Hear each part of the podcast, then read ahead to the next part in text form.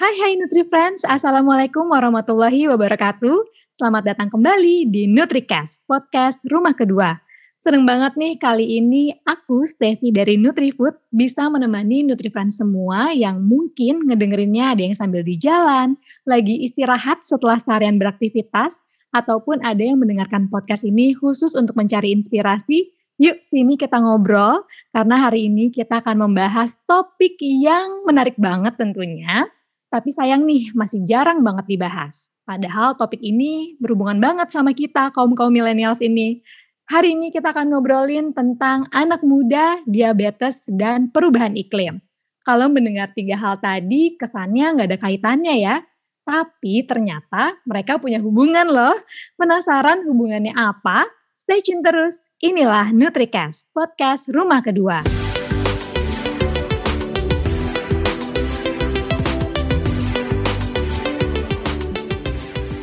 Nah, kali ini udah bergabung bersama aku, seorang dokter muda yang merupakan dokter spesialis penyakit dalam dan juga merupakan founder dari Sobat Diabetes.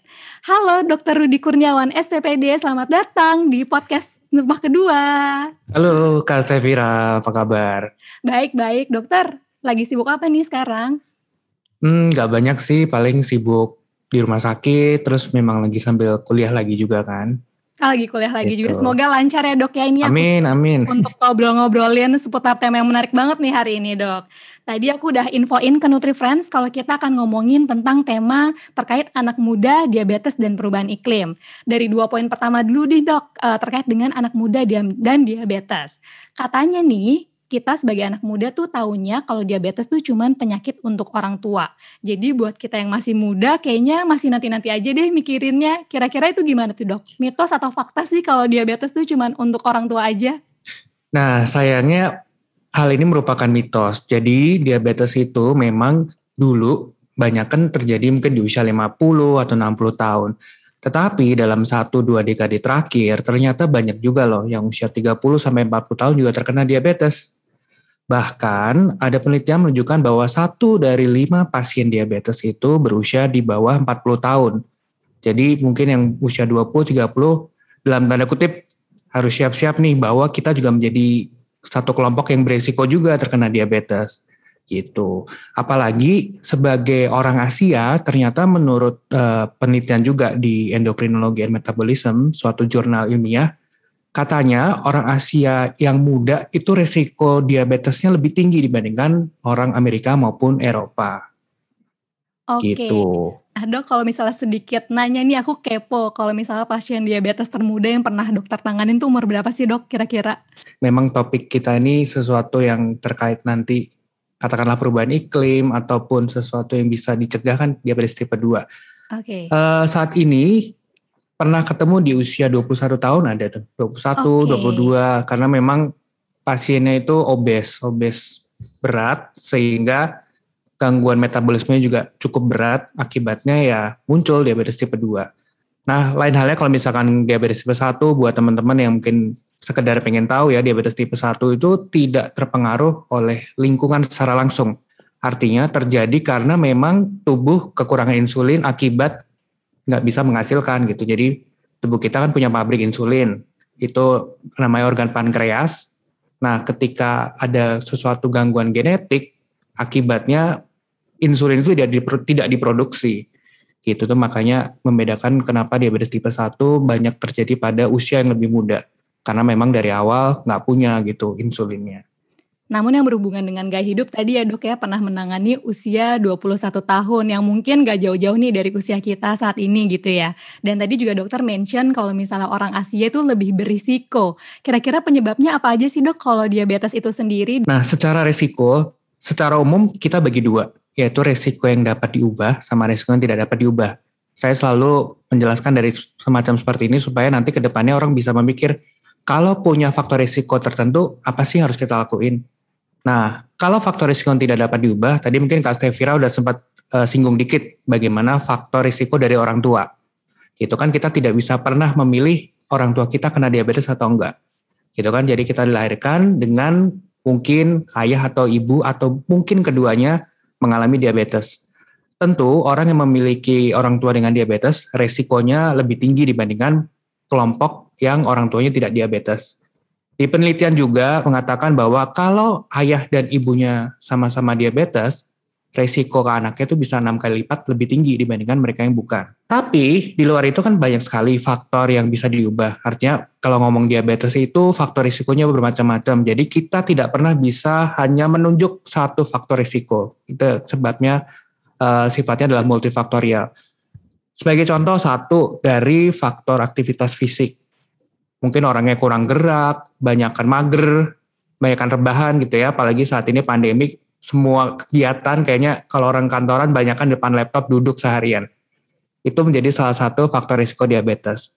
Kemudian dari segi aktivitas fisik juga di selain itu ada dari segi makanan. Jadi mereka yang konsumsi makanannya katakanlah dalam tanda kutip berantakan artinya tinggi gula, tinggi garam, tinggi lemak itu juga resiko untuk diabetesnya cukup tinggi. Jadi kalau ngomong diabetes itu sebenarnya tidak hanya terbatas soal masalah gula. Jadi kalau orang awam kan selalu berpikir, oh saya nggak makan manis gitu, tapi ternyata makan garamnya tinggi, makan lemaknya tinggi. Ternyata baik garam dan lemak itu juga menjadi salah satu faktor kontribusi untuk terjadinya diabetes juga. Itu yang orang sering lupa.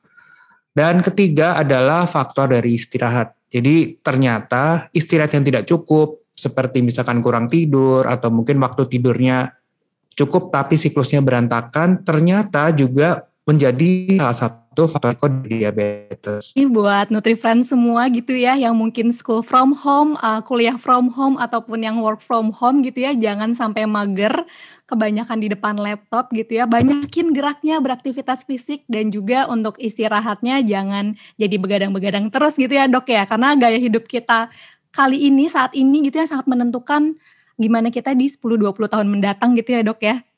Benar benar.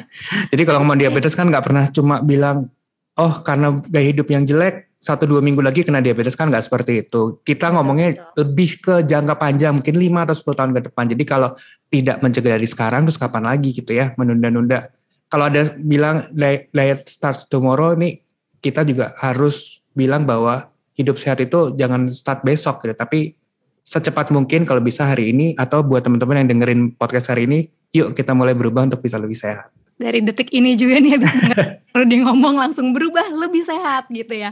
Nah dok, tapi aku tadi penasaran, kebetulan kan uh, ibuku juga diabetes nih dok.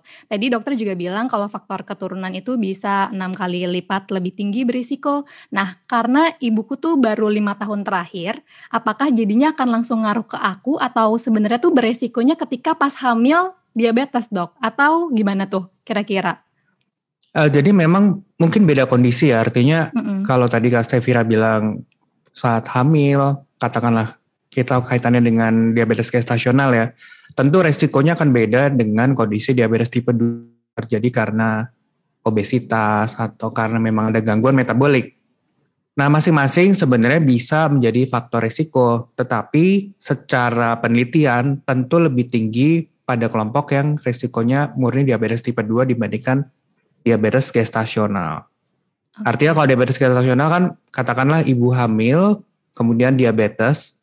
Nah itu hati-hati juga berarti anak akan lebih tinggi resikonya mengalami diabetes di kemudian hari dibandingkan pada mereka dengan ibu tanpa diabetes gestasional.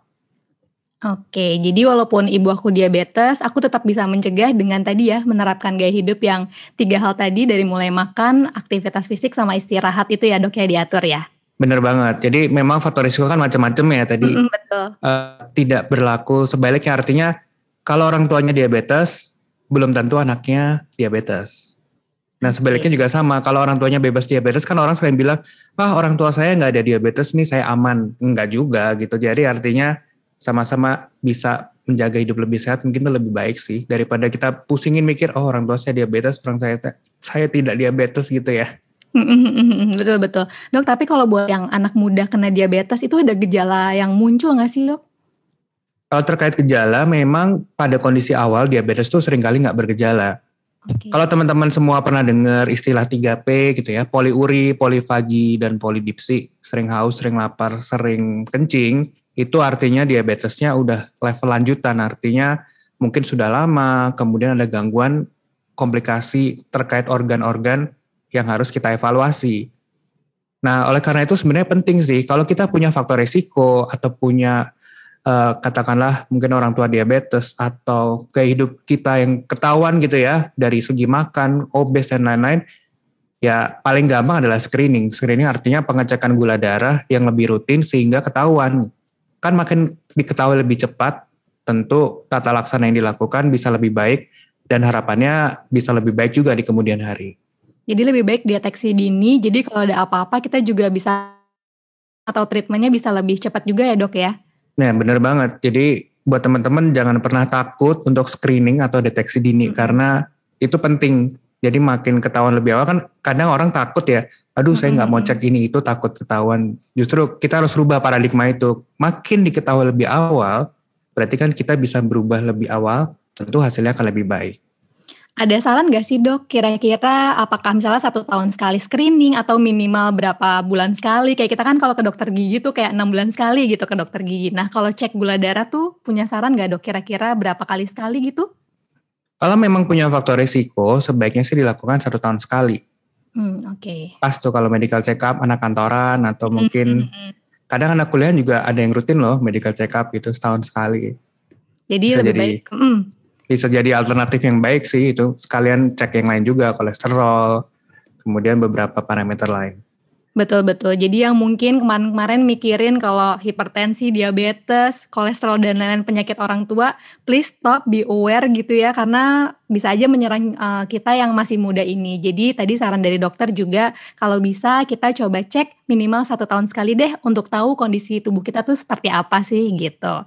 Nah menarik nih dok, uh, menyambung tentang tadi terkait dengan diabetes, aku juga pernah baca artikel kalau berbagai penyakit yang ada termasuk diabetes itu punya hubungan dengan perubahan iklim nih. Faktor yang kelihatannya kayak jauh banget, tapi bener gak sih dok ada hubungannya? Nah ini menarik nih, mungkin buat teman-teman baru pertama kali dengar harus kepikiran apa sih hubungannya kok jauh banget gitu ya antara perubahan iklim dan diabetes. Uh, secara garis besar kita bagi menjadi dua lagi nih. Jadi ada faktor yang berpengaruh secara langsung dan enggak. Yang berpengaruh secara langsung katakanlah ketika perubahan iklim terjadi, katakanlah pemanasan global, ternyata komposisi brown fat atau brown adipose tissue di tubuh kita ini berubah. Nah, seperti kita tahu, agak ilmiah dikit ya kita ngomongnya, ada brown fat, ada white fat secara umum. Makin dewasa seseorang, itu komposisinya mulai bergeser tuh makin lama makin banyak white fat. Gitu. Padahal brown fat itu secara penelitian juga secara metabolisme kita itu membantu untuk kondisi sensitivitas insulin. Artinya kalau semakin sedikit komposisinya, itu resiko resisten insulin lebih tinggi. Nah, kenapa kita pusing-pusing ngomongin resisten, sensitif? Ini terkait dengan metabolisme untuk kondisi diabetes tipe 2. Kan secara fisiologi atau secara kenapa terjadinya kalau diabetes tipe 2 itu kan gangguan sensitivitas insulin. Nah, itulah kenapa bisa terjadi seperti itu sehingga resiko diabetesnya meningkat pada kondisi perubahan iklim. Ada juga yang mengatakan e, secara langsung berpengaruh terhadap e, heat stroke, kejadian heat stroke atau panasnya tubuh seseorang semakin tinggi, itu ternyata juga meningkatkan faktor inflamasi dalam tubuh. Nah, faktor inflamasi ini lagi-lagi berperan ke bagian metabolisme insulin termasuk sensitivitasnya sehingga resiko diabetesnya juga naik. Tapi kita akan sulit untuk me, apa ya menaruh satu jenis faktor langsung apa sih yang berperan itu sampai sekarang juga masih dalam tahap penelitian. Jadi kita belum bisa pahami secara detail. Nah, menariknya masih banyak juga faktor tidak langsung yang bisa terjadi nih, Kak Stevira maupun teman-teman semua. Jadi ternyata dengan perubahan iklim, katakanlah ada mungkin bencana alam atau mungkin tadi suhu global yang tinggi ternyata bisa mengganggu kestabilan pangan dunia. Hmm. Nah, kalau terjadi kegangguan kestabilan pangan dunia, katanya orang cenderung akan memilih metode yang lebih instan. Artinya makanan-makanan yang bersifat slow food itu semakin lama semakin berkurang. Jadi bergeraklah ke makanan kemasan, kemudian orang cenderung katanya kurang sehat memang secara instan, secara umum apa ya praktis ya, apalagi buat anak muda atau mungkin buat yang sibuk sehari-hari gitu ya. Tetapi ternyata berdasarkan juga makanan kemasan itu rata-rata kandungan garam, gulanya juga lebih tinggi dibandingkan dengan makanan yang bukan kemasan. Jadi ya harus hati-hati. Meskipun saya tidak bilang ya semua makanan kemasan itu selalu tinggi gula, tinggi garam, tapi kita harus lebih selektif gitu untuk kondisi seperti itu. Ya kurang lebih seperti itu sih kenapa hubungan antara diabetes dan perubahan iklim tuh bisa apa ya kita bisa bilang cukup erat sebenarnya gitu jadi early warning nih buat kita supaya ya kita harus peduli juga nih sama lingkungan. Jadi nggak cuman gaya hidup sehat aja, tapi juga gaya hidup ramah lingkungan gitu ya dok ya untuk bisa meminimalisir si perubahan iklim yang terlalu drastis ini gitu ya dok. Nah bener tuh. Kalau misalkan ini apa uh, kemarin sebagai contoh juga kalau ke kantor gitu ya parkirnya agak jauh terus jalan kaki atau bahkan ke kantornya dari ini naik sepeda secara nah. lingkungan kan lebih sehat tuh nggak lebih betul meningkatkan polusi, bisa menurunkan polusi justru. Di satu sisi, kalau kita bersepeda kan kita beraktivitas fisik, tentu akan lebih sehat dibandingkan kita duduk atau mungkin terbahan di mobil ya. Jadi sambil menyelam minum air tuh naik sepeda ke kantor, ke kampus gitu ya, selain lebih sehat juga dan lebih ramah lingkungan juga. Tapi minimal kayak melakukan hal yang paling kecil yang bisa kita lakukan, uh, kayak aku sih baru ya bawa tumbler sendiri, kemudian bawa kantong belanjaan sendiri kalau belanja dan mungkin hal-hal lain yang sederhana mungkin buat kita tapi sebenarnya bisa berdampak besar buat lingkungan gitu ya dok. Iya. Keren nah, keren. nah dok, uh, aku penasaran juga nih kalau tadi kan kita uh, ngejelasinnya hubungan sama uh, penyakit diabetes. Tapi kalau buat orang yang sudah terkena diabetes gitu ya, perubahan iklim ada perubahan iklim ada dampak tertentu juga nggak sih untuk si penderita diabetes ini? Untuk pasien diabetes biasanya eh, dampaknya secara tidak langsung ya. Tadi kalau kita ngomong ketersediaan pangan ternyata di satu sisi juga ada perubahan di ketersediaan alat medis katanya seperti itu. Oke. Okay. Dari survei katakanlah orang dengan diabetes itu membutuhkan kayak glukometer untuk alat cek gula darah, kemudian obat gitu ya. Ternyata bisa terjadi kestabilan gangguan kestabilan terkait alat-alat kedokteran juga gitu katakanlah ekstrimnya misalkan sedang bencana alam atau terjadi pemanasan global yang ekstrim, orang lebih fokus kepada lingkungannya dulu, akibatnya diabetesnya agak sedikit terabaikan. Oleh karena itu biasanya diabetesnya lebih tidak terkontrol dan tingkat komplikasinya jauh lebih besar dibandingkan dalam kondisi yang stabil secara iklim. Oke, jadi isu yang harus diurusin jadi kayak lebih banyak gitu ya dok ya sehingga memilih untuk iklim dulu dibanding kesehatan gitu bisa jadi itu dampaknya gitu. Tapi kalau kita lihat kita tarik konteks ke Indonesia sendiri, seberapa besar sih sebenarnya kesadaran anak muda nih kita kita sebenarnya lagi ngedengerin terhadap si diabetes dan perubahan iklim ini dok? Nah menarik nih, kalau kita berbicara tentang perubahan iklim mungkin dalam satu atau dua dekade terakhir kayaknya orang lebih ini ya, lebih aware gitu ya dibandingkan mungkin katakanlah 30 40 tahun lalu. Kalau kita lihat di berbagai sosial media, kemudian di TV juga isu-isu perubahan lingkungan ini bukan sesuatu isu yang asing gitu. Eh, bahkan dulu ada penelitian juga di Eropa tahun 2013 katanya sih anak mudanya itu lebih aware terhadap perubahan iklim sebesar 40 sampai 50 persen. Nah, Menariknya, kemarin juga ada sebuah survei independen ya di tahun 2021 yang berhasil menjaring 129 responden berusia 20 sampai 34 tahun.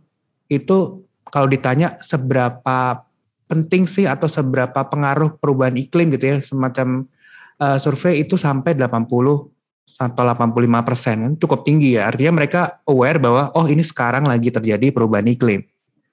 Tetapi mirisnya kalau ditanya e, apakah kamu memiliki resiko diabetes gitu ya sebagai survei yang sama dengan responden yang sama ternyata jumlahnya kecil loh cuma 16,3 persen gitu. Jadi agak timpang nih. Mereka percaya bahwa perubahan iklim ini sedang terjadi gitu ya sampai 80-an persen. Tapi kalau ditanya apakah kita punya resiko diabetes tuh mereka yakin bahwa kena diabetes tuh cukup kecil gitu. Bahkan jumlahnya cuma 16 persen yang percaya bahwa sekarang kita harus menghadapi resiko diabetes di kemudian hari. Nah, padahal kalau ditanya apakah perubahan iklim dan diabetes itu berhubungan, ternyata jumlahnya agak rata-rata. Kalau kita lihat dari responden itu, yang percaya bahwa kedua hal itu berhubungan itu bisa sekitar 40-an persen. Hmm. Jadi bukan angka yang jelek banget, Tapi untuk kesadaran atau awareness anak muda sebesar 16,3 persen bahwa kemungkinan terkena diabetes tuh sayang sih kecil banget. Padahal tadi kan kita bilang ya bahwa diabetes itu bukan hanya penyakit orang tua, tapi saat ini mulai lama mulai muda kesadarannya masih rendah, tapi kalau misalnya lagi ke kafe atau ke restoran, misalnya ditawarin upsize tetap nerima gitu ya dok ya, tapi kesadarannya masih rendah nih. Padahal kalau ada promo-promo mau nambah kalori dengan harga murah, itu diiyain aja gitu ya anak muda sekarang. Bener banget, ada upsize, terus buy one get one gitu ya, apalagi kalau bisa malah ngajakin temennya gitu untuk pesen juga, supaya lebih murah. Iya, sayang ikut, banget sih. Ikut membuat menularkan secara ini ya, obesitas menular secara sosial. Menular secara, secara sosial ternyata bisa juga tuh Nutri Friends dengan kita nongkrongnya sambil makan terus. Mungkin sekali-kali nongkrongnya sambil olahraga kali ya dok ya biar lebih sehat. Benar-benar. Tapi ya dokter berarti uh, kalau misalnya dokter tadi cerita kesadarannya masih rendah, tapi dari dokter sendiri punya tips nggak sih buat anak muda NutriFriends yang lagi mendengarkan uh, supaya kita tuh tidak memiliki uh, mengurangilah mengurangi risiko diabetes, apalagi mengingat kondisi perubahan iklim yang makin ekstrim nih akhir-akhir ini. Punya tips apa nih dok buat kita semua? Kalau untuk mengurangi risiko diabetes, secara umum ada tiga. Satu dari masalah makan ya makan dan minum nih jadi salah satu kontributor terbesar nih buat anak-anak muda zaman sekarang apalagi banyak sekali makanan dan minuman kekinian yang dalam tanda kutip banyak kan yang nggak sehat. Itu teman-teman semua harus mulai apa ya aware bagaimana konsumsi gula, garam dan lemak bisa lebih bijak gitu ya. Artinya kita tidak melarang konsumsi gula, garam dan lemak karena kita juga butuh, tapi jumlahnya harus kita tahu, kita batasi. Kemudian kalau memang dari segi ya, gitu artinya sudah diusahakan jangan lupa tadi aktivitas fisik. Aktivitas fisik dalam satu minggu itu idealnya lima kali dengan durasi masing-masing 30 menit. Jadi kalau di total sekitar 150 menit. Jadi selain makan, aktivitas fisik, jangan lupa yang terakhir adalah istirahat yang cukup. Jadi kalau istirahat nggak cukup, tadi tidur berantakan, rata-rata sih mungkin tidak hanya berpengaruh secara metabolisme, ternyata secara sosial juga berpengaruh. Jadi selain gangguan tidurnya, ternyata perubahan waktu tidur itu juga berperan terhadap perubahan konsumsi seseorang. Jadi itu sih sebenarnya sarannya tiga hal itu. Dan kalau kita hubungin dengan masalah perubahan iklim, paling gampang adalah kita memulai dari diri sendiri. Jadi berupaya untuk hidup lebih hijau itu dari diri kita sendiri. Tadi misalkan bawa tumbler sendiri, kemudian bawa kantong belanja sendiri. Dengan harapan kalau kita bisa memulai dari diri sendiri, bisa menjadi teladan buat orang-orang sekitar. Jadi bisa memberikan influence yang baik buat teman-teman di sekitar kita, di rumah dan lain-lain. Sehingga harapannya selain kita bisa menjadi agen untuk mengurangi resiko perubahan iklim, kita juga bisa lebih sehat terhindar dari diabetes maupun penyakit metabolik yang lain. Thank you banget nih Dokter Rudi. Dan aku punya satu pertanyaan terakhir ini colongan lagi. Uh, karena tadi ibuku punya diabetes, uh, mungkin uh, di luar sana juga ada NutriFriends yang orang tuanya ada diabetes nih dok. Nah tips buat anak muda yang punya anggota keluarga diabetes sih, gimana sih supaya uh, tetap bisa menjaga kesehatannya dengan risiko yang tadi kita karena kita lebih tinggi dibandingin yang lain gitu. Untuk teman-teman yang punya keluarga dengan diabetes, tetap sama sebenarnya secara prinsip bagaimana kita menjaga makan, bagaimana kita beraktivitas fisik yang baik, dan bagaimana kita beristirahat yang cukup. Mungkin yang membedakan adalah kita punya keluarga diabetes, kita tidak hanya fokus pada diri kita. Artinya, kalau tadi kita ngomongin kegiatan preventif, pencegahan, dan lain-lain. Nah, ketika kita punya orang yang dekat dengan kita, kita harus menjadi agen suportif buat mereka. Karena salah satu keberhasilan dari penata laksanaan diabetes itu adalah support dari orang terdekat. Itu harapannya kalau pengobatan berhasil, komplikasi dapat dicegah dan orang bisa hidup dengan lebih baik. Karena secara prinsip orang diabetes tuh bisa hidup seperti orang biasa. Jadi kita nggak boleh secara mindset membeda-bedakan oh dia diabetes, oh dia bukan. Jadi mereka ya hidup ya memang dalam tanda kutip ada label diabetes, tetapi secara aktivitas, secara makan sebenarnya tidak ada perubahan yang secara signifikan gitu. Oke, terima kasih dokter. Kayaknya nggak cuma aku aja yang hari ini terinspirasi, tapi juga NutriFriend semua yang lagi mendengarkan. Uh, aku pribadi punya beberapa poin penting yang mungkin bisa di-highlight. Pertama, lebih ke reminder untuk kita punya gaya hidup yang lebih sehat, mulai dari mengatur pola makan tadi, kalau bisa mengontrol konsumsi gula garam lemak supaya tidak berlebihan. Kemudian yang kedua, uh, dari aktivitas fisik. Diingetin lagi nih tadi sama dokter Rudi, minimal 150 menit per minggu. Atau biar nggak kayak banyak banyak banget nih 150 menit. Coba kita pecah-pecah jadi lima hari uh, per sesinya 30 menit. Itu harusnya bisa lebih mudah teman-teman jalankan. Dan yang ketiga dari mulai istirahatnya juga harus diatur supaya nggak banyak begadang dan tidurnya pun cukup. Nah selain itu dari segi gaya hidup hijau juga nih jadi perhatian juga buat teman-teman semua supaya kita bisa mengurangi kasus perubahan iklim yang semakin ekstrim. Cukup dengan bawa tumbler sendiri bawa kantong belanjaan sendiri dan lakukan hal-hal yang mungkin paling sederhana yang bisa kita lakukan. Dan yang terakhir tadi Dokter Rudi juga udah sempat mention kita mulai dari diri kita sendiri. Setelah kita udah mulai membiasakan diri, baru deh kita rangkul orang terdekat kita, mulai dari sahabat, keluarga, pacar, uh, suami, dan lain-lain semua diajak untuk kita bisa gaya hidup sehat dan gaya hidup hijau bersama-sama. Nah, sebelum kita tutup nih dok, dari dokter punya closing statement gak nih buat NutriFriend semua yang ada di rumah? Secara umum kita udah banyak bahas ya tentang bagaimana kita menjaga kesehatan dan bagaimana kita ber pengaruh dalam menjaga perubahan iklim supaya nggak makin lama terjadi. Yang penting tadi sudah di highlight juga bagaimana kita bisa memulai dari diri kita sendiri. Harapannya bisa menjadi influencer yang baik buat teman-teman sekitar kita. Mudah-mudahan ke depannya angka diabetes di Indonesia dan di dunia bisa menjadi lebih berkurang dan iklim kita bisa tetap terjaga untuk generasi masa mendatang. Itu aja sih dari saya. Terima kasih Dokter Rudi atas sharingnya. Senang banget nih dapat inspirasi banyak hari ini. Dan tentunya thank you juga buat NutriFriends yang sudah mendengarkan dari awal sampai akhir. Kalau NutriFriends semua punya masukan terkait topik yang mau dibahas, feedback, dan saran, langsung aja DM kita di Instagram NutriFood. Oke, aku Stevie undur diri. Sampai jumpa di NutriCast volume selanjutnya. Wassalamualaikum warahmatullahi wabarakatuh. NutriFood inspiring a nutritious life. Bye-bye. NutriFood, dari kini hingga nanti, NutriFood akan selalu di hati. NutriFood hadirkan berjuta inovasi, inspirasi hidup bernutrisi.